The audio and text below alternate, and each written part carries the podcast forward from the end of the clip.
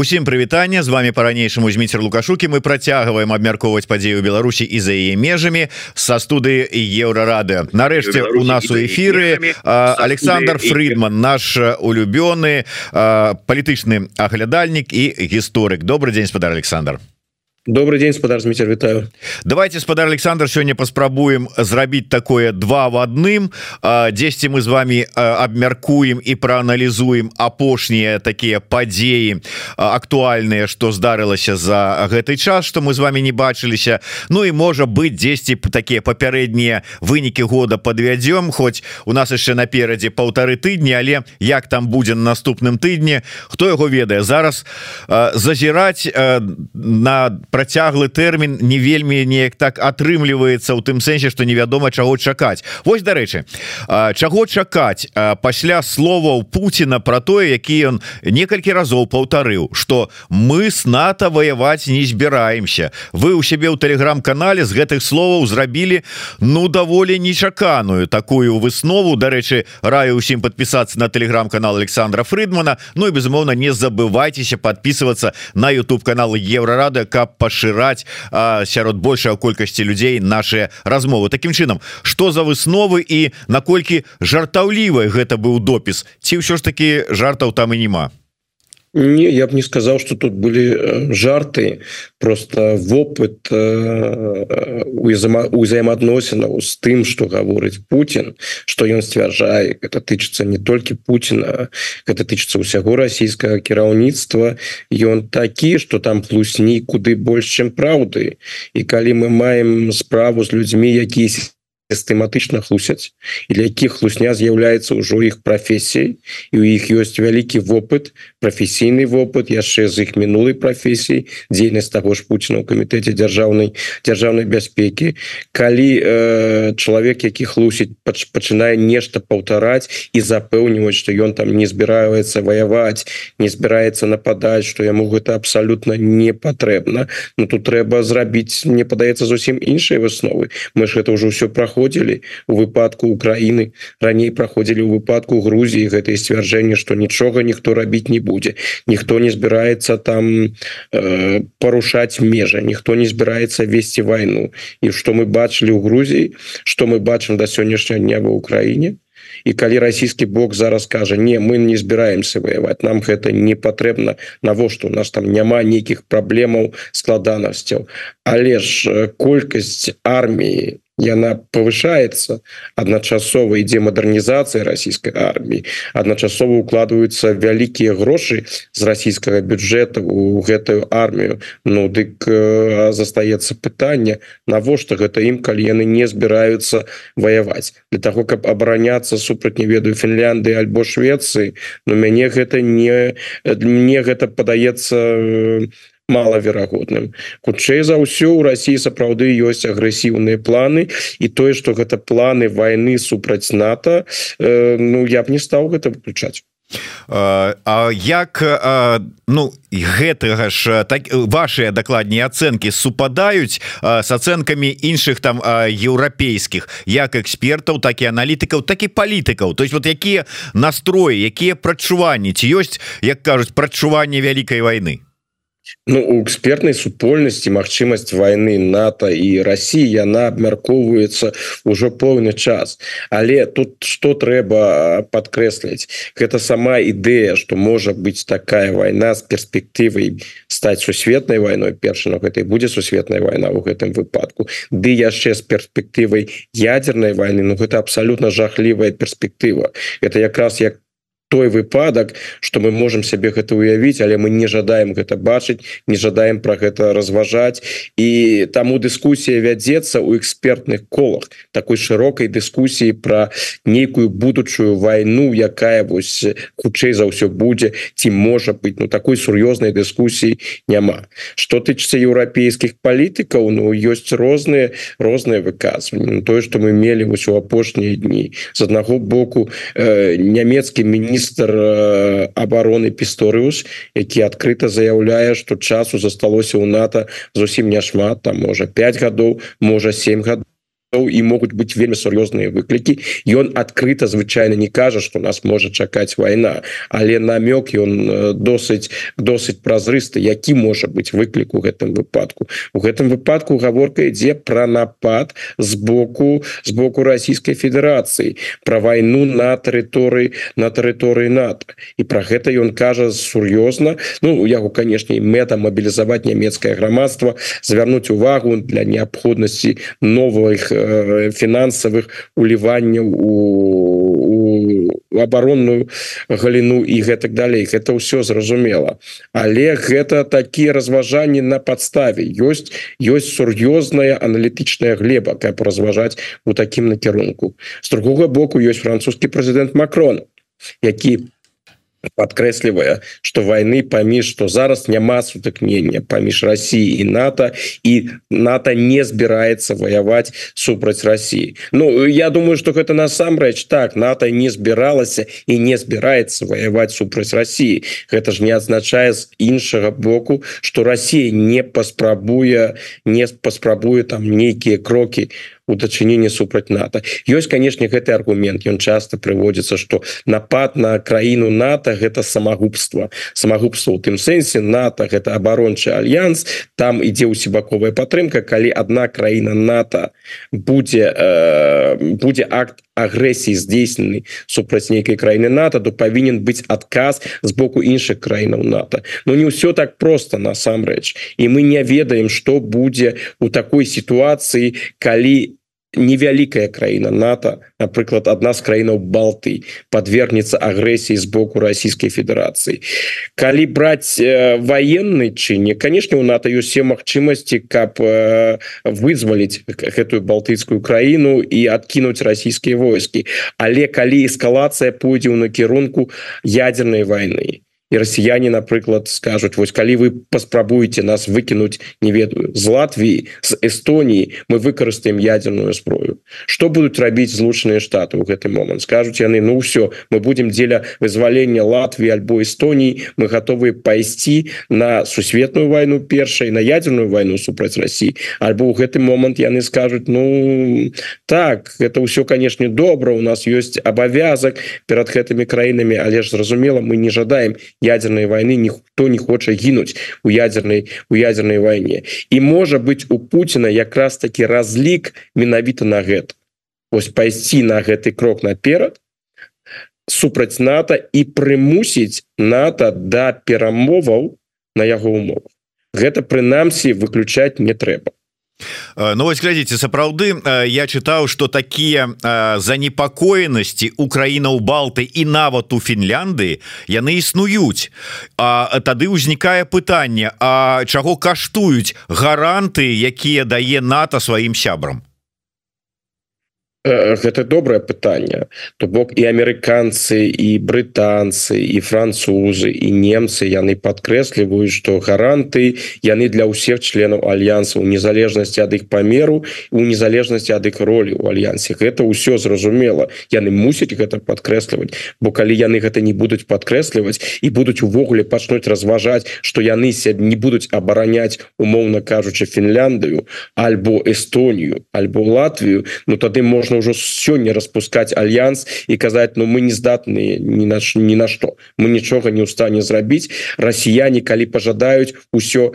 ўсё атрымаюць Таму зараз канешне подкрэсліваецца і жорстка подкрэсліваецца мы будем абараняць мы готовыя перакінуць сюды войскі і змаганне за тэрыторыю Эстоніі будзе весціся таксама як звялося б змаганне за тэрыторыю Геррманіі альбо Польшчы альбо альбо злучаных штатаў але ізноў жа гэта тэарэтычны ўзровень ўзровень мы можем уявіць себе такой узровень эскалацыі калі справа дойдзе сапраўды да ўзаемнага знішчэння да выкарыстання ядерной зброі. І ў гэты момант ну па шырасці ніхто не зможа сёння адказна сказаць что вось амерыканскі прэзідэнт у такі момант скажа для того каб вызваліць Эстонію для того каб вызваліць Латвію я готовы рызыкаваць рызыкаваць э, ядерной войной я готовы на тое что адбудзецца ядерная война так что такая жахлівая ситуация у гісторыі яшчэ ніколі не было.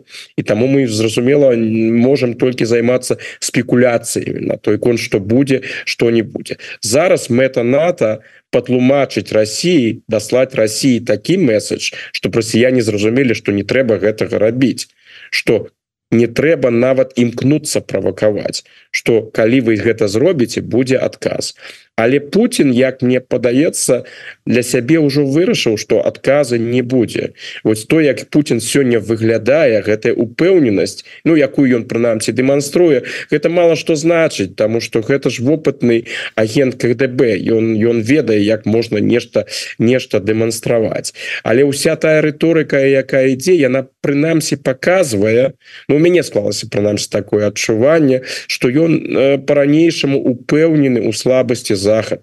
Это значит захад слабы прынцыпова так ён не такі слабы як лічыў Путін у 22 годзе ён напэўна лічыў что не пасмеюць яны падтрымліваць сапраўды Украіну что яны ему фактычна так ці інакш Украіну здадуць але даціснуць захад Мачыма просто трэба захаду зрабіць яшчэ больш балюча і ў пэўны момант гэты захад скажа Ну все хопіць давайте шукаць нейкія кампрамісы Ну не жадаем мы ісці на дадатковае абвастрэнне Вось гэта мне падаецца ёсць логіка Путина разуменне того что трэба зрабіць сёння як мага больш балюча России каб яна можа быть адмовілася ад гэтых сваіх планаў эскалацыі на захад.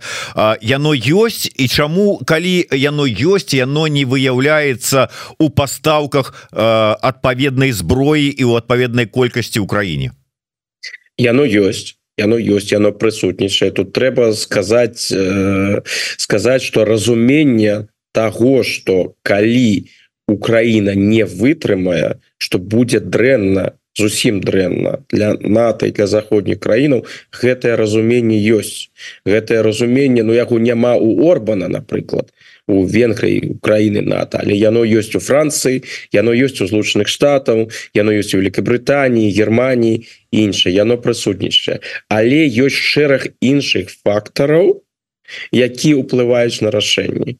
Гэта і палітычныя пытанні унутры краінаў. Гэта нежаданне выдаткоўваць вялікія грошы на войну на сваю абаронную прамысловасць і іншую. Ну і увогуле не гатоўнасць да гэтага супрацьстаяння Путін на працягу ўжо 10 нават больше 10 год ён рыхтуе свае грамадства кожны дзень рыхтуе гэтае грамадства да барацьбы з захадам. Расіянам унушаюць что вось на захадзе вораг. І з гэты вораг хоча нас знішчыць. Мы павінны з гэтым ворагам смагацца і адпаведна мы павінны і ідзем на пэўныя ахвяры. Ахвяры гэта нормально гэта той месседж які сыходзіць з расійскай прапаганды. На захадзе вось гэтае уяўленне что трэба рыхтавацца таксама да ахвяраў что могуць спатрэбіцца ахвяры эканамічныя палітычныя у самым дрэнным выпадку і ваенныя вось гэтага уяўлення на захадзе по-ранейшаму у значнай ступені няма прынамсі у заходняй Еўропе. Яго няма ну тым больш у злучаных штатах бо злучаныя штаты вельмі вельмі далёкі ад Еўропы.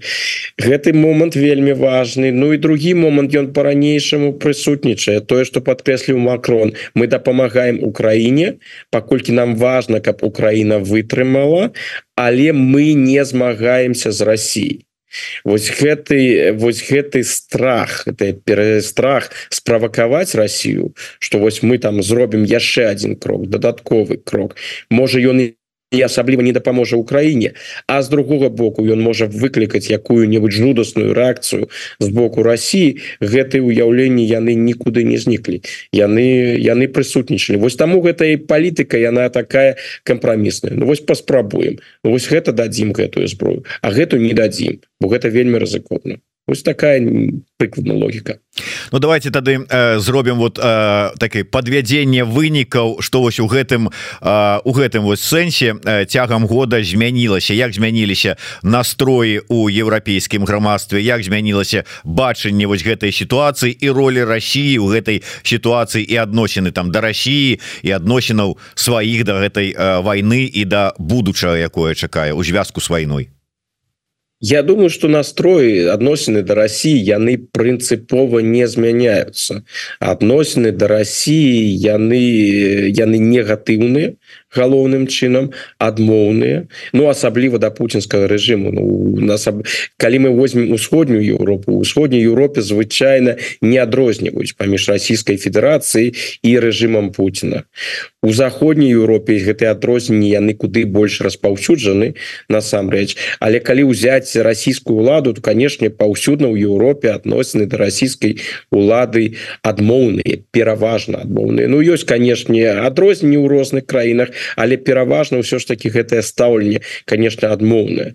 Тое что ў розных еўрапейскіх краінах набіраюць э, паляпшаюць сваю пазіцыю правыя папуліст папулісты і нацыяналісты якіх часто называюць такими прорасійскімі Ну гэта не столькі прорасійскія і не столькі прорасійскія яны выступаюць супраць войны каб война нейкім чынам скончылася і для значнай часткі еўрапейскага насельніцтва сапраўды яно было б не супраць калі б война нейкім чынам скончылася і все тыя праблемы якія таксама мае Еўропа праз гэтую войну яны спыніліся. Так шмат кому у Еўропе абсалютна ўсё роўна у якіх тэрытарыяльных межах будзе існаваць Украіна напрыклад пасля пасля пасля гэтай войны. Але я выбачаюся что перабіваю вас спадар Александр. Нагадайте гэтым людям калі ёсць такая магчымасць як гісторык чым вось гэтае такое задабрыванне дыктатара тэрыторыямі закончыць скончылася у тридцатых годах мінулага стагоддзя калі мы кажам про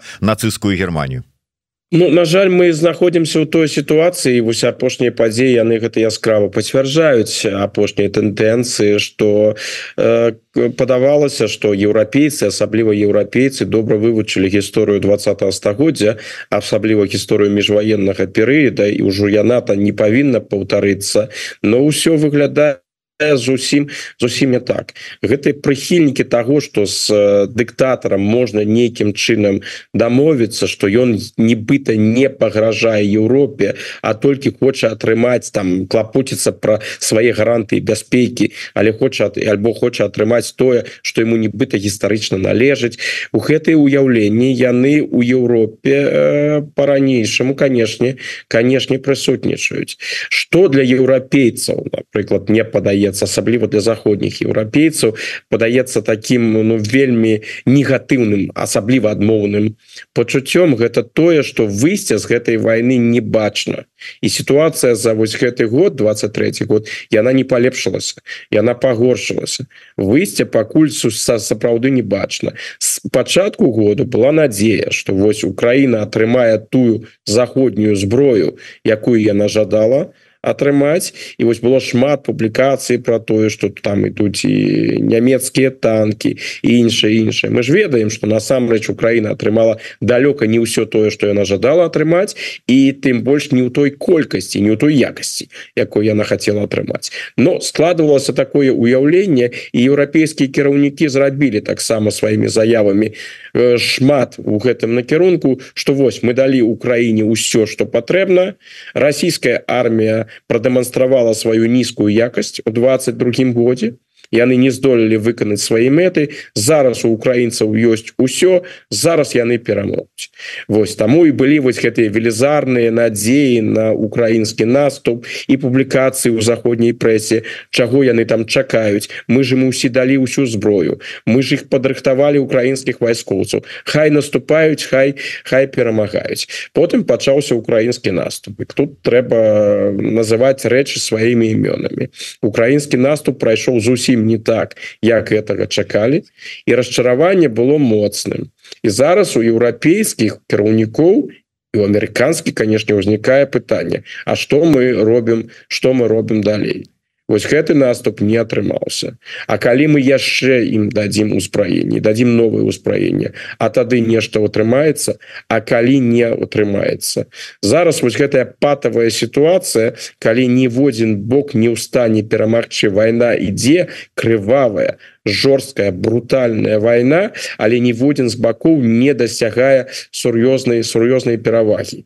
І вось гэта ўяўленне что людзі гінуць сітуацыя пагаршаецца і ў эканамічным сэнсе пагаршаецца выдаткоўваць трэба ўсё больш і больш грошаў на тое каб Украіна працягвала барацьбу Ну і увогуле на існаванне Украіны на украінскую эканоміку іншыя а выйсця сітуацыі няма. І гэта турбуе вельмі моцна турбуе і еўрапейскіх палітыкаў і еўрапейскае еўрапейскае грамадства. Запад на замірэнне канешне есть. Ёсць калі Путін сёння выйшаў бы і сказаў Ну давайте пачнем такія адкрытыя празрыстыя перамовы Я думаю что ў Еўропе гэта былі палітыкі іх было багата які б гэта по падтрымалі. Іншая справа что Путін у гэтым абсолютно не зацікаўлены. Ну что ж э, вось такая ситуация по войне и по геополітыцы у нашем регионе А давайте больше вузка возьмем. А все ж таки як некаторые э, сцвярджаюць война ідзе і у Беларусі. Правда унутраная война где лукашэнкаўскі режим э, сателлит э, э, такі ось режим які падпарадковваецца Москве як кажуць ну вядзе вайну супраць свайго народа.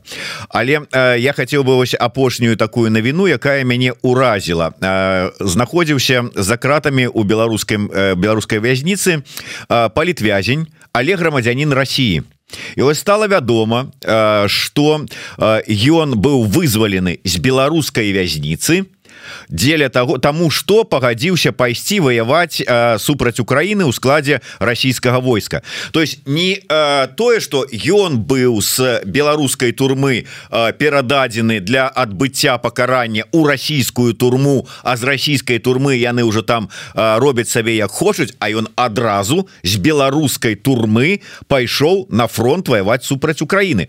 Асабіста для мяне гэта сведчанне того что у Ну как-то яны ўжо і на гэтым узроўні я не ведаю ці не вырашаюць ці кан конкретно падпарадковваюцца нейкім расійскім патрабаваннем краці кажучы что засталося цягам года от беларускага суверэнітэта незалежнасці ўсяго вот что мы з гэтым звязваем Ну я б сказал что ў гэтым выпадку яны імкнуцца просто гуляць по расійскім правілам Вось лукашенко гэтыя правілы відавочна падабаюцца ён же ніколі не хаваў гэтага что яго рэжым падтрымлівае Россию усебакова падтрымлівае Так что тое ж такое адбываецца яно па шчырасці не здзіўляе что тычыцца расійскага ўплыва на Беларусь? Ён павялічыўся ён павялічваецца ва ўсіх накірунках у эканамічным накірунку палітычным то бок ён ужо быў вельмі сур'ёзны вырашальны яшчэ да пачатку войны пасля того як пачалася война і лукашэнкаўскі рэжым заняў у гэтай вайне тую пазіцыю якую ён заняў атрымаў адпаведныя адпаведныя санкцыі іншыя ну магчымасці магчымасці для самастойнасці засталося яшчэ яшчэ куды менш. Так что с кожным годам Россия ўсё будзе і будзе павялічваць свой э, свой уплыў. І э, тут э, России не патрэбна знішчаць беларускую незалежнасць. Вось тое хутчэй тое что от фармальнай беларускай незалежнасці засталося. Пакуль лукашенко ідзе ў фарватары расійскай палітыкі пакуль ён выконвае ўсё что Россия патрабуе у палітычнай галіне у галіне галіне бяспекі і іншая пакуль ён эканамічна супрацоўнічае з Россией пакуль ён лояльны пакуль ён дазваляе прасоўваць у Беларусі расійскія ідэалагічныя наратывы Ну можа з нейкай мясцовай спецыфікай але галоўным галоўным чынам усё ж таки відавочна з ухілам у расійскі накірунак яны ім задаволены яны працуюць працуюць доўгатэрмінова іх задача не узять сёння Беларусь не зрабіць Беларусь там новой губернии Российской Федерации. Им важно ж каб Беларусь заставалася полностью у российской орбите. И тут трэба на жаль сказать что яны с двадцатого году досягнули досягнули значных поспехов. И кожный год ён у гэтым сэнсе для их э, паспяховый Ну а ты пытанні якія постоянно задаются Ну вось ну лукашенко. Ўсё ж таки беларускай армии ж няма ва ўкраіне. Усё ж таки военных дзеянняў няма на тэрыторыі Беларусі. І гэтага ж вось нібыта дамогся лукашенко. Гэта яго галоўная заслуга. Не я думаю что зусім зусім не. Я прытрымліваюся такого погляда что лукашенко конечно не зацікаўлены не ў тым каб ішла война на тэрыторыі Беларусі. Ён не хоча посылаць беларускае войска на тэрыторыю Украины воевать гэта ўсё зразумела. Але гэтага пакуль не адбылося не тому что лукашенко там з усімі сіламі супраціўляўся і змагаўся і атрымаў перамогу не гэтага не адбылося хутчэй за ўсё менавіта таму что Россия не палічыла патрэбным гэта зрабіць. Вы зараз выйшлі на сцяжынку войны з буданавым і он прытрымліваецца іншага меркавання. Я думаю что ў гэтым у гэтым выпадку буданаў хутчэй памыляецца у спецслужбаў бывае такая такая можа можа я б нават сказал бы гэта такой прафесійнай хваробай спецслужбаў. Професійнай професійнай хваробай аналіза з боку з боку з боку спецслужбаў. Канешне у спецслужбаў і той же той же украінскі гур гэта безумоўна моцная моцная спецслужба. А, але э, калі яны робяць нейкую аналітыку аналізуюць сітуацыю прыходзяць да высновы і гэтая выснова задаваць звальняе яны упэўнены ў гэтай выснове яны вельмі часта імкнуцца тыя факты якія падыходзяць і тэндэнцыі подводзіць под гэтую выснову. І гэта можа сыграць вельмі дрэнную ролю. Мы бачым мы бачым прыклад Ізраіля. Бачым прыклад когда ў прынцыпе уся інфармацыя про тое что Хамас рыхтуе напад на Ізраиль яна была. то Масад як мы уже сёння ведаем з публікацыю прэсы не праспаў гэты напад. Праблема была хутчэй у тым что ізраильскае палітычнае кіраўніцтва было упэўнена ў тым что Хамас у дадзены момант не зацікаўлены ў нападзе на Ізраиль Таму та інфармацыя якая прыходзіла з боку масаду іншых спецслужбаў яна просто была праігнаравана. Так что мне падаецца не трэба рабіць лукашенко у сэнсе Украіны Украіне, хотелось б бачыць лукашенко больш самастойным бо бо лукашенко у войне не зацікаўлены это значит калі у лукашэнкі ёсць яшчэ пэўныя магчымасці для самастойнай гульні дык верагоднасць нападу з боку Беларусі яна ніжэйшая бо лукашенко будзе гэтаму нібыта супраціўляцца. Я б гэта бачыў трошки інакш. Калі Россия палічыць патрэбным нешта зрабіць супраць Украины з тэрыторыі Беларусі лукашенко будзе супраціўляцца. Так ён будзе супраціўляцца. Але калі расійскі бок скажа не мы робім і нам усе роўна супраціўляешься ты ці не то яны гэта зробяць Ось э, наш глядач под нікам э, лейба бронштейн. Э, прывітанне лейба. Нарэшце ты не сварышся а пішаш э, уцямны такі добры каментар ён піша война гэта шлях падману. Не чытайце буданова буквально Ну можа і сапраўды уводзіць узман. Ну нармальны шлях такі такі як кардынал рашылье нейкі такі Ну там конечно там могуць быть э, там могуць быть свае свае гульні тым больш что яны гэта ідзея вялікая псіхалагічная псіхалагічная гульня. І э, той же украінскі бок дакладна ведае что рашэнні у Москве і у мінску прымаюцца людзьмі у якіх ёсць пэўны вельмі сур'ёзны палітычны вопыт а як які ўжо знаходзяцца на закате то на апошнім этапе я бы так сказаў сваёй палітычнай кар'еры і ўзрост гэтых людзей ён безумоўна уплывае на на на іх паводзіны і гэта часто канешне вы выкарыстоўвалась тыя ж самыя з ты ж самыя мы ж ведаем вось і не толькі ўзрост рэчы асабістыя якасці і асаблівасці асобы тыя ж нямецкія спецслужбы яны вельмі добра у у іх сэнсе добра згулялі ў тридцатые гады на параноідальных асаблівасцях Сталіна. Калі просто была закінута інфармацыя про тое что вышэйшае военное кіраўніцтва Советского союза нібыта супрацоўнічае з Германией і Сталіну гэта поверыў і мы ведаем что было с процессами супрацьваенных і эліта советской армии была вынешена не нацистами а самим Сталиным Ну да але яшчэ давайте некалькі момантаў. Размовы тое что адбываецца вот гэтыя рэпрэсіі что працягваюцца у Беларусі. Як вы лічыце ўсё ж такі? Калі ўжо мы глядзім на інтарэсы Москвы вынішчаецца асабліва нацыянальна арыентаваны сегмент по патрабаванні Москвы то ці па ўласнай ініцыятыве вот для кого вот это все зачысткі ідуць для сябе перад выбарамі ці для Москвы каб ім не стваралі якія-нибудь патэнцыйныя нават магчымыя па перашкоды калі ў іх будуць нейкія планы адносна тэрыторыі Беларусі Я думаю что і для Москвы у тым ліку але пераважна ўсё ж таки для сябе. З аднаго боку калі ты вынішаешь нацыянальная беларуская калі ідуць рэпрэсіі калі ідуць рэпрэсіі і супраць су і рэпрэсіі пераслед і шельмаванне гістарычных асобаў асобу беларускай гісторыі гэта свайго кшталту лаяльнасць Вось калі ты напрыклад пераняў расійскія наратывы про кастуся каліновского ты тым самым показваешь что ты вось у гэтай гісторыі паўстання 63 64 1863 64 года ты стаіш на баку царской імперии Ну калі ты падтрымліваешь царскую імперыю а не паўстанцаў Ну значыцца ты лояльны сённяшняй России якая шмат у чым арыентуецца на менавіта на царскую імперыю. Путин же як вядома захапляется захапляется царской расійскай імперыі гэта першы момант але галоўнае ўсё ж таки для лукашэнкі Я думаю не прадэманстраваць нейкую лаяльнасць крамлю а знішчыць тое тое іншадумства якое але альбо патэнцыяльна іншадумства якое ён лічыць опасным для самого сябе Так что ўсё ж таки галоўнае тут не нейкая арыентацыя на Крemль але уласны інтарэс.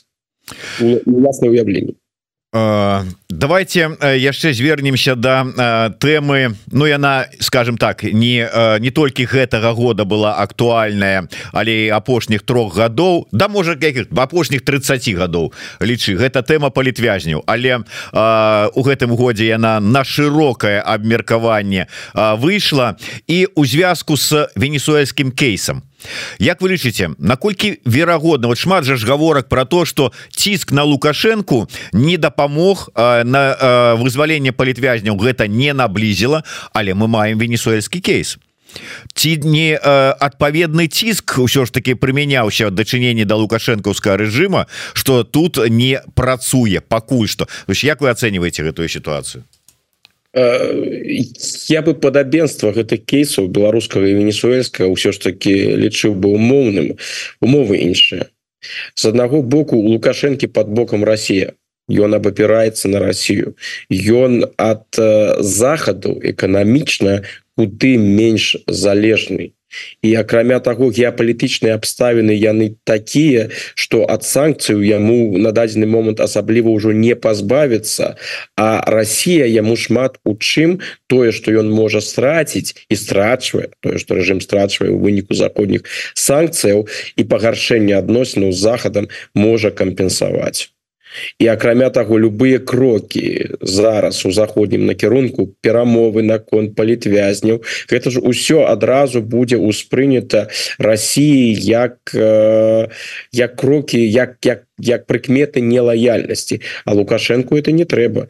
Ён жа назірае вось як зараз з расійскага боку кожны там момант у паводзінах армянскіх уладаў что яны там зачынілі с кім яны там сябруюць не сябруюць. Гэта ж адразу абмяркоўваецца ў Росіі і адразу пачынаюцца гэтыя размовы про пашыняна здрадніка іншае іншае іншае что вось нам трэба з ім разобрацца Ну навошта лукашенко лукашенко гэта патрэбу патрэбна ў сённяшніх умовах? Ён не можа так рызыкаваць. Так что ён і не пайшоў бы мне падаецца на нейкія такія сур'ёзныя умовы ну сур'ёзныя в том тым сэнсе такого глобального характеру як у не вынесуэлі не про вызвалення там одного двух трох паліт э, палітвязняў у венесуэле там іншы контекст. У венесуэле такого такого э, такой падтрымки як Беларусь атрымлівае ад России у мадура такой падтрымки няма. Мадура у знешнепалітычным сэнсе ён досыць ізаляваны Россия далёка Китай таксама далёка Ну і падтрымка якая ідзе з китайскага і з расійскага боку яна невялікая Таму і сітуацыя напружана эканамічна напрушана і у мадура у такой сітуацыі ён ему по ему трэба шукаць нейкае нейкае выйсці і паспрабаваць дамовіцца со злучанымі штатами я уплыў злучаных штатаў на тэрыторыі паўднёвай Амерыкі. Ён ён вельмі вялікі. І Мадура разумее что супраць доўгатэрмінова працаваць супраць злучаных штатаў Ну гэта можа не самая паспяховая і не самая не самая разумная ідэя. Ось у таких умовах ён праявіў гатоўнасць да да кампрамісаў. Ну акрамя того калі мы возьмем ўсю гэту гісторыю мішолі як яна пачыналася. Амерыканцы арыштавалі вельмі важнага чалавека для мадура аднаго з ну назовем гэта у у еўрапейскім кантэксце аднаго з алігаркаў буйных бізнесоўцаў мадура. І мадура быў зацікаўлены ў яго вызваленні. Ён увогуле пайшоў на ўсе гэтыя перамовы паколькі ён захацеў вярнуць вось усього гэтага сябра. Ну іншае пытанне ён то яго навошта ён яго жадае так вярнуць? Ёсць інфа інфармацыя про тое что вось той самы сябр шмат чаго паведаміў амерыканцаў про дзейнасць режима мадура про сувязі мадура з іранам і іншае іншае іншае. Але гэты чыннік таксама адыграў сваю ролю. Так что сітуацыі яны шмат у чым не параўнальныя і лукашенко не можа ў сённяшніх умовах пайсці пайсці по по па шляху мадур тым больш что умоваў прадумоваў-то няма у Europe. Амаль 2200 гледачоў у дадзены момант у нас на канале. І карыстаючыся момантам я зраблю такую невялічкую паузу і заклікаю заклікаю ўсіх яшчэ раз. Не забывайтеся подпісацца на телеграм-канал спадара Александра Фрыдмана. Спасылочка будзе у нас у опісанні Ну і безумоўна А тыя для кого это бяспечна подписывайтеся на YouTube канал еврорадыо ставце свае падабайки расшарвайте пишите свае каментары задавайте пытанні. Ну і увогуле сачыце за тым что у нас адбываецца вельмі шмат цікавых эфіраў у нас штодня. Спадар Александр але я чытаў у пэўных таких ну можа яны 10 канспіралагічныя телеграм-каналы с беларускія такого сегмента 10 сцвярджалася что перад выборами ці падчас выбораў под пасля адразу гэтых так званых выбораў лукашенко вызваліць как безумоўна размова не ідзе пра ўсіх палітвязняў бо іх у нас тысячи і гэта не толькі тыя 1500 про якіх кажуць праваабаронцы іх значна больш як мінімум 3000 а то і 5 але что нейкі працэс пачнецца. Вы верыце ў гэта? Давайте вот прогноз такі невялічкі зробім. Не не веру. Не веру. На жаль не веру тому что я не бачу які для лукашэнкі сэнс это рабіць Вось э, вызваляць просто просто вызваляць лукашенко з чалавек у гэтым сэнсе досыць прагматычны. Ён разглядае гэта цынічная абсалютна цынічная логіка. Ён разглядае гэтых людзей як свой ресурс які ёсць. Ён жадае за гэты ресурс нешта атрымаць. А што ён сёння можа атрымаць? Хто яму готовы что что прапанаваць заходні бок нічога яму прапанаваць не можа. Нейкая адмена санкцыяў не будзе ніякай адмены санкцыяў паколькі галоўныя санкцыі уводзіліся не за палітвязняў яны ўводзіліся за ўдзел вайне ва ўкраіне яны ўводзіліся за справу протасевича і, і, і, і гэтак далей. Прапанаваць ему грошы не будзе ему захад прапаноўваць нейкія грошы іншых палітычных дывідэндаў ну быць быць не не бачна. Вось. Калі там яму скажуць ну вызваліш там ну вось я просто канструкцыю раблю ему скажуць вось вызвалі вызвалі там пэўную колькасць людзей а мы пакуль не будем э, супраць цябе э, выдаваць ордер на арш не будзе рабіць гэта міжнародны крымінальны суд. Ну так для лукашэнкі гэта ж таксама не аргумент. Ён я думаю сыходзіць з таго что гэты ордер рано ці позна будзе ён хранічна захаду не давярае Вось э, таму я просто у сістэме коаардынат лукашэнкі не бачу на жаль не бачу чаму ён павінен пайсці пайсці на такі крок. Калі б напрыклад захад сказал еўразвяз сказал злучаныя штаты вось у беларусі столькі столькі палітвязняў і з гэтай прычыны мы уводзім такія-то і такія-то санкцыі Вось у гэты момант для лукашэнкі мела сэнс пачынаць спрабаваць пачынаць перамовы что вось я вызвалю столькі і столькі чалавек але вы гэтыя санкцыі не ўводзіце. Але яны не ўводзяць санкцыі з прычыны палітычных вязняў з прычыны унутр рэпрэсію унутры краіны.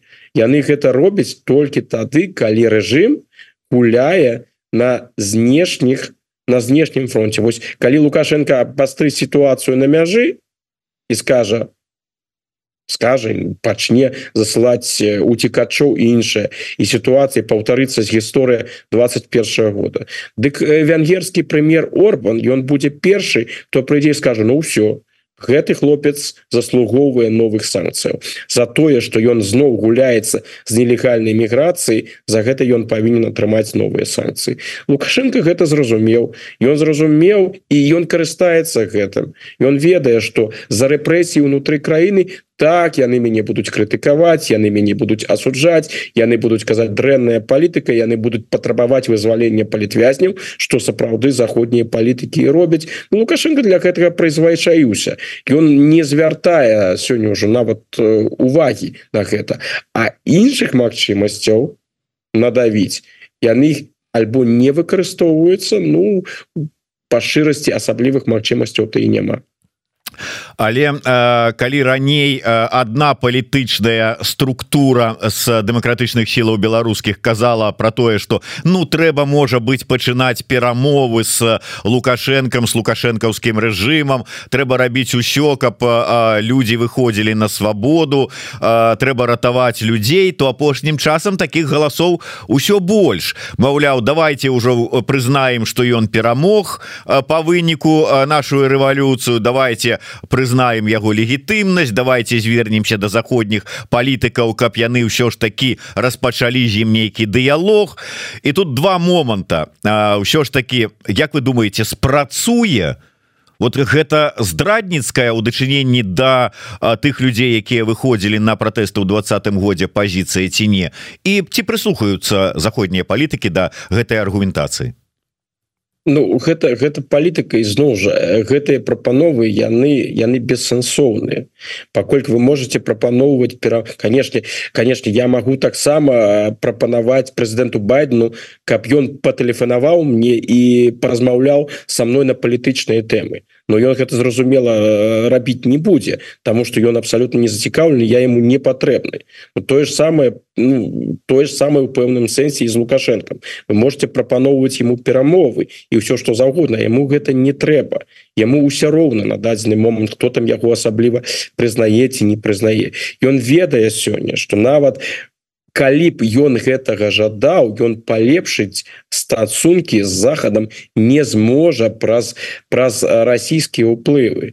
Там усе гэтыя заклікі яны вялікага сэнсу сэнсу не маюць. Можна канешне звярнуцца до заходніх палітыкаў і сказаць ну вось глядзіце так вы там нейкія санкцыі якісьці ввялі за тое что там лукашенко парушаў у пачатку у двадцатым годзе 21 годзе мы выступаем за тое каб вы гэтыя санкцыі адмянілі. Ну вось адмяніце калі ласка гэтыя санкцыі і лукашенко можа там вызваліць кагосьці. Ну калі мы паглядзім на гэтыя санкцыі Ну гэта не гэта не тыя санкцыі якія лукашенко сапраўды так ужо пераскажаюць жыць. Так что я не думаю что ён пойдзе там на нейкіе на нейкія крокі. Так что гэтая пазіцыя яна дазваляе звярнуць да сябе ўвагу калішні калі ты палітык ты мусіш нешта прапаноўваць гэта твой абавязак як палітыка. Але гэта не прывядзе да нейкіх вынікаў. Вось вось э, вось у чым справа. Справа у тым что сітуацыя досыць тупіковая на дадзены момант і нейкіх рэальных магчымасцяў паўплываць на тое каб люди выйшлі на свабоду на жаль у дадзены момант няма. Калі дарэчы калі беларускі дэмакратычны рух прыме такое рашэнне скласці руки і сказать усё лукашенко ты перамог мы спыняем сваю палітычную актыўнасць нас больш мы нічым больш займацца не будем усё пераможца гульня скончана Ну больш за ўсё будзе перажываць камітэт дзяржаўнай бяспекі на чале з Іваном терцелем что яны тады будуць рабіць? Терці же ён же ему патрэбен нейкія вынікі дэманстраваць тое что вось там знаходзіць ворагаў і іншае іншае сачыцца дэмакратычнымі сіламі. А калі гэта яны не будуць працаваць Ну тады будуць узнікаць пытанні э, наконт э, наконт яго уласна кажучы да будуць дырэктароў затрымліваць. Он э, дырэктар белаза пайшоў вон яшчэ шмат розных дырэктароў пачынаючы ад буйных прадпрыемстваў заканчиваючы дырэктарамі калгасаў гэта конечно можна але мне падаецца что і лукашенко і терцелю і усіму гэтаму атачэнню ім куды больш цікава шукаць там розных шпіёнаў агентаў захада і Украіны чым э, змагацца там з нейкімі дырэктарамі Ну так а, так а, лейба по-першае не перадёргивайте я сказал не стало шмат а сказал поболела прыхільнікаў ці скажем так тых хто за перамовы с лукашенком. А по-другое поглядзіце дэбаты у коаардынацыйнай рады з нагоды вызвалення палітвязняў яны ёсць у свабодным доспуце з досту доступе на Ютубе. Можна паглядзець і зрабіць высновы. Калі два гады тому про гэта казаў толькі Іван краўцоў са штаба бабарыкі то паглядзіце дэбаты і зрабіце свае высновы а не пішыце з трымя клічнікамі пытанні я вось да можа быть да працягу про тое а з кім перамаўляцца у любым выпадку. Вот калі паглядзець я гляжу на тое что адбываецца у той же самой я уже нават не пара байпол з белполом а про коаардынацыйную раду. Вось чарговая навіна выйшаў яшчэ один сябра с со складу коаардынацыйнай рады бо не паразумеўся с кіраўніцтвам так бы мовіць. І наколькі я ведаю ужо ў дзвярах на выход стаіць яшчэ як мінімум чалавек 67 увогуле як вы ацэньваеце у якім стане до конца года прыйшлі дэмакратычныя сілы Ну не ў найлепшым скажем так э, стан стан не задавальняючы но у прынцыпе нічога надзвычайнага не адбылося тыя палітычныя рухі якія выціснуты за мяжу якія мусяць дзейнічаць за мяжой у якіх фактычна няма магчымасцяў уплываць на палітычнае жыццё ўнутры краіны тое что там адбываюцца канфлікты жорсткія канфлікты паміж сабой гэта абсалютна нармальная з'ява. Гэта гэта нават звычайна калі мы паглядзім імігрантскія рухі якія існавалі ў тым же Чілі пасля пасля стварэння дыктатуры піначета сярод чыліцаў якія пакінулі чылі альбо сярод э, іспанцаў якія пакінулі Іспанію пасля усталявання дыктатуры франка ў розных краінах гэтыя канфлікты заўсёды прысутнічалі ты палітык ты павінен займацца нейкай показывать нейкую палітычную актыўнасць цябе няма сур'ёзнага ўплыва і у такой сітуацыі ўсё абвастраецца пачынаюцца канфлікты ўсё ўспрымаецца вельмі абвострана ідуць спрэчкі прычым такія жорсткія непрыгожыя спрэчкі Ну вось гэта менавіта тыя тэндэнцыі якія назіраліся назіраліся у у ўсё у 23 годзе сярод дэмакратычных сілаў 23 год год был дрэнны для дэмакратычных сілаў іх уплыў на сітуацыю Беларусі толькі памяншаўся гэты знешні палітычны фактор сувязі з краінамі захада ён ён застаўся. По-ранейшаму прымаюць размаўляюць і іншае. Але ізноў жа нейкіх сур'ёзных вынікаў якія маглі паўплываць на жыццё людзей у Беларусі я маю на увазе у Беларусі не пра дыяспору якая знаходзіцца за мяжой ўсё з дыяспорай гэта гэта іншае пытанне. Э, ну ну гэта гэта на жаль так. І тут э, тэндэнцыя хутчэй хутчэй адмоўная. Рэжым лукашэнкі пачувае сябе на дадзены момант досыць стабільна это так. Днями было апытанне апублічана дакладней вынікі апытання чарговага. Дзе сярод іншага былі словы про тое что нібыта у павялічыўся давер да лукашэнкаўскай улады і да КДБ іншых сілавых структураў у беларускім грамадстве. Калі мы рабілі эфир з гэтай нагоды с лесяй руднік мне прыйшлі написали каментар чалавек які я ведаю что ён знаходіцца ў Беларусі які абурыўся і сказаў вы что тут нас хочетце сказать что у нас мы у нас ва ўсіх тут у Беларусі стокгольмскі синдром что нас катуюць нас забіваюць забіваюць нас прыніжаюць і гвалтуюць А мы э, любіць іх болей пачынаем вот гэтых э, гвалтаўнікоў. Але ну я ж думаю не з пустога месца сацыёлагі зрабілі такія высновы. І э, з гэтай нагоды у мяне такое вось да вас пытанне. Ну па-першае наколькі як вы лічыце ўсё ж таки гэта не широко зараз вот э, пайшла і масава гэта павелічэнне любові да улады из структур сілавых. А по-другое Ну калі там пайшлі такія працэсы то ці нелагічна зараз тады Ну нам тут у Беларусі больш плотна брацца за пабудову сваёй Беларусі па-за межамі мацерыковай Беларусі Не, ну я я пачну з першага пытання. Калі вы агучвалі гэтыя вынікі я задаў себе сам пытанне. А як бы я знаходзячыся ў Беларусі адказваў вось на такія пытанні? Напэўна гэтае пытанне праводзілася праз інтэрнет Ну конечно. Калі б мне задалі я б знаходзіўся ў Беларусі і мне б задалі пытанне як я стаўлюся да КДБ альбо як я стаўлюся да лукашэнкі ну шмат хто просто з прычынаў асцярожнасці не адказвае на такія пытанні як ён думае. Таму да ўсіх апытанняў якія праводзяцца ў Беларусі з людзьмі якія жывуць у Беларусі трэба ставіцца асабліва асцярожна. Але з другога пункту гледжання у нас няма іншых магчымасцяў. Калі мы жадаем хаця б адносна зразумець якія у працэсы адбываюцца ў беларускім грамадстве мы абавязаны сачыць за такімі ад пытаннямі іншага інструментарыя у нас навпрост няма Што ж тычыцца беларускага грамадства як мне вось падаецца? Ёсць канешне аўдыторыя лукашэнкі яго электарат людзі які яго звычайна падтрымлівалі яны яны застаюцца яны нікуды не зніклі. Ёсць люди якія да лукашэнкі ставяцца вельмі адмоўна іх по-ранейшаму безумоўна у Беларусі хапае.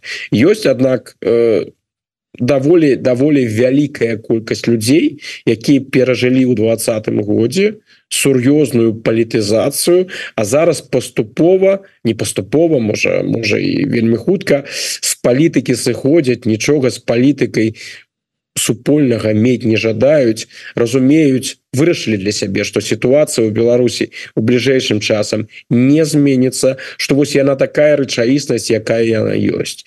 Трэба прыстасоўвацца до да гэтай рэчаіснасці.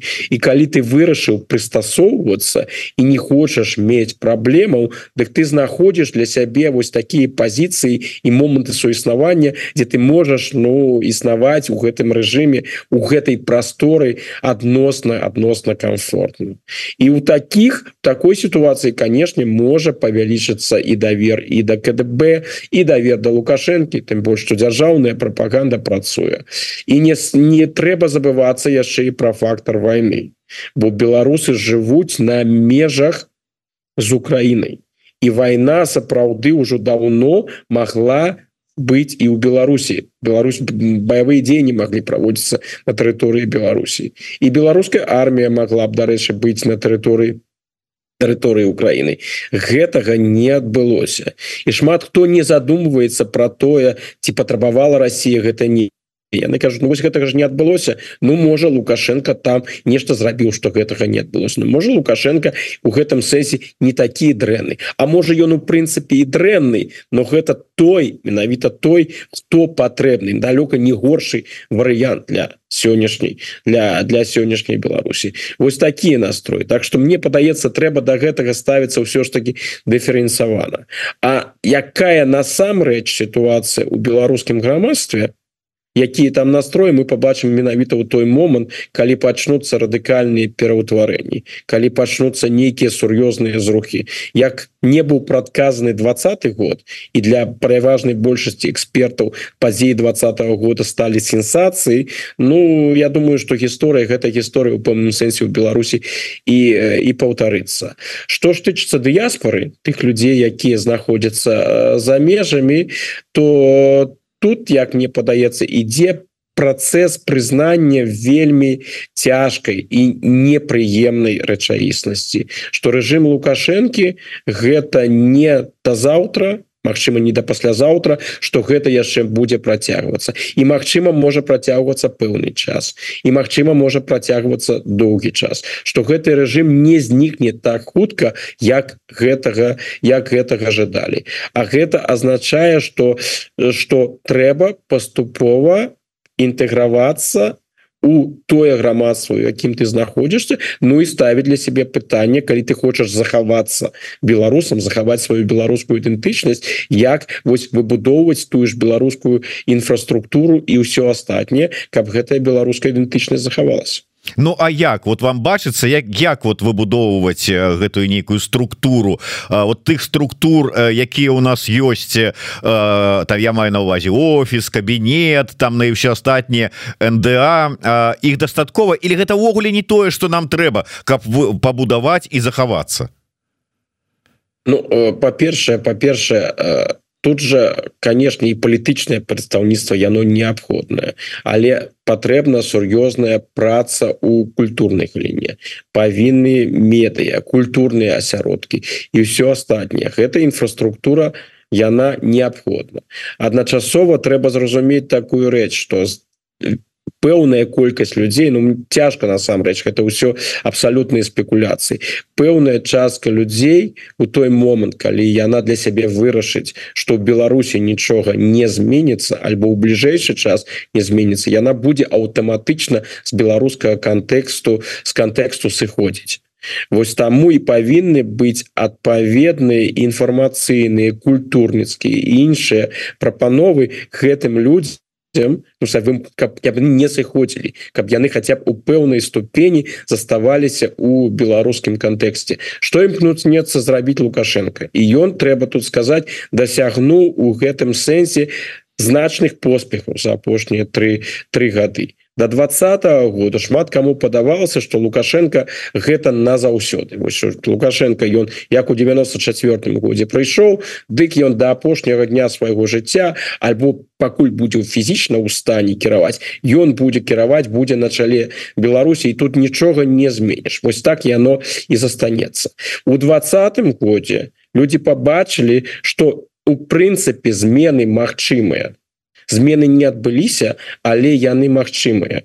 Вось зараз двадцатого года лукашенко рознымі спосабамі імкнецца унушыць і людям у Беларусі і беларусам за мяжой что змены немагчымыя. Что я вам падабаюся я вам не падабаюся але вы будете со мной жыць вось толькі сколькі я паляшу для сябе для сябе патрэбна і вось трэба даводзіць рознымі і інфармацыйнымі спосабамі культурніцкамі что гэта не так что безумоўна будзе час і пасля лукашэнкі а просят нас э, пытанне вам задать удакладніцца бо мы тут узгадали але неяк бокам що ж таки гэтую навіну абышлі. Макссім пытается про што сведчыць що ж таки затрымання дырэктара Белаза? А хуткі смоўж дадае что там не толькі дырэктара Ну я пропусціў гэта але і затрыманы мэр жодзіна і дырэктар мясцовага ЖКХ то есть вот про што гэта сведчыць? Гэта такія ну как бы любимыя лукашэнкаўскія антыкарупцыйныя гульні на напярэдадні чарговай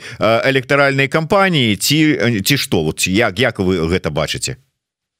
Я думаю что гэта гэта такія дысцыплінарныя меры з пункту гледжання лукашэнкі рэпрэсій. Рэпрэсіі павінны каб сістэма не расслаблялася каб усе тыя хто там прысутнічае каб яны ведалі что у любы момант гэта можа закрануць закрануть любого яму патрэбны гэты страх які панаваў бы. Калі номенклатура у номенклатурай э, вось гэтае пачуццё страху распаўсюджана калі яны ведаюць што за імі могуць прыйсці. Дык э, гэтымі людзьмі кіраваць просто куды прасцей. Так что гэты момант ён прысутнічае. Ну а что тычыцца розных карупцыйных пытанняў тут канешне цяжка ацэніць. Мы ж ведаем что змаганне з карупцыяй что лукашэнкі стаўлена да карупцыі такое вельмі дзіўнае. Ён любіць падкрэсліваць что і ў Беларусі амаль няма а з другого боку сістэматычна ідуць такія арышты якія падкрэсліваюць что гэтай карупцыі хапае Ну карупцыя яна э, мае такі барацьба з карупцыяй яна мае у Беларусі селектыўны характар лукашенко сам вырашае вырашае каго арыштоўваць каго не. Так что я думаю что там галоўным чынам не ў карупцыі у карупцыі таксама але гэта такая такое новое мерапрыемство каб насадзіць узмацніць яшчэ вось гэты страх сярод номенклатуры Ну да асабліва калі ўсё ж таки паглядзець на дзейнасць лукашэнкаўскай сям'і то там сама добрая такая карупцыйная структура. Можа просто не любяць канкурэнтаў якімі бы б яны не былі там дробненькімі але тым не менш на завяршэнне спадар Александр я не ведаю сустрэнемся мы яшчэ на наступным тыдні ці не бо ўсё можа здарыцца вон голос у вас хрыплы не дай Бог яшчэ прыхварэеце тфу-тфу-тфу пастучу по чым можна только толькі але давайте-ка можа хоць і захадзя можа і будзе яшчэ магчымасць але хай гэта будзе сёння. Ваши віншаванні для беларусаў напярэдадні калядаў тым больш што яны вось хутка будуць. І новага года пожаданне на наступны год. Ну, я хочу сапраўды усе павіншаваць усіх беларусаў усіх слухачоў павіншаваць з калядамі з наступаючым новым годам і пажадаць каб ён быў здаровы мірны і абавязкова лепшы за 2023 год. Каб у нас у 24 годзе было больш магчымасцяў разважаць пра добрыя падзеі пра добрае развіццё і пра добрыя шансы. Так што ўсяго найлепшых Дякую вялікі две з паловай тысячи гледачоў. І якім я яшчэ раз нагадываю пра неабходнасць напярэдадні новага года подпісацца на телеграм-канал спадара Александра Фридмана і безумоўна на YouTube канал еврорады але калі гэта для вас бяспечна. А калі бяспечна то подписывайтеся ставце свае падабайкі націскайте на звоночек расшэрвайте Ну і самі ведаеце што рабіць дарослыя людзі з надыходзячам. І жыве Беларусь. Дякую спадар Александр. Жыве